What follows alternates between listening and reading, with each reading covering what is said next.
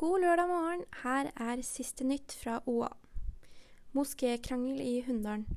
Lillehammer eiendomsutvikling har fremmet et forslag om å selge bygget til Islamsk kultursenter, dersom de blir enige om prisen. Det kommer frem en e-post Nils Skonden fra Lillehammer eiendomsutvikling har sendt til HV arkitekt, der han søker om dispensasjon fra reguleringsplanen for eiendommen. Håvard Holstad driver Steinsrud gård i Lauskaret, og ble for fem år siden stukket av biebasillen. I dag har Holstad rundt 120 bikuber, men ønsker til neste år å doble antallet, slik at han kan leve av næringen. Det er veldig spennende, sier Holstad. Høyres kommunestyre i Søndre Land ber kontrollutvalget om en vurdering av næringsrådgiver Roger Fløttums habilitet. Bakgrunnen for ønsket om vurdering kommer etter to saker som var oppe i kommunestyret tidligere i år, som omhandlet næringsrådgiverens funksjon og oppgaver, samt kommunens engasjement i tilknytning til utbygging av klinikken i Hov.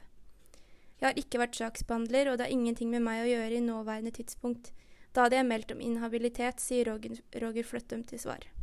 Alt dette og mer kan du lese om på oa.no i dag.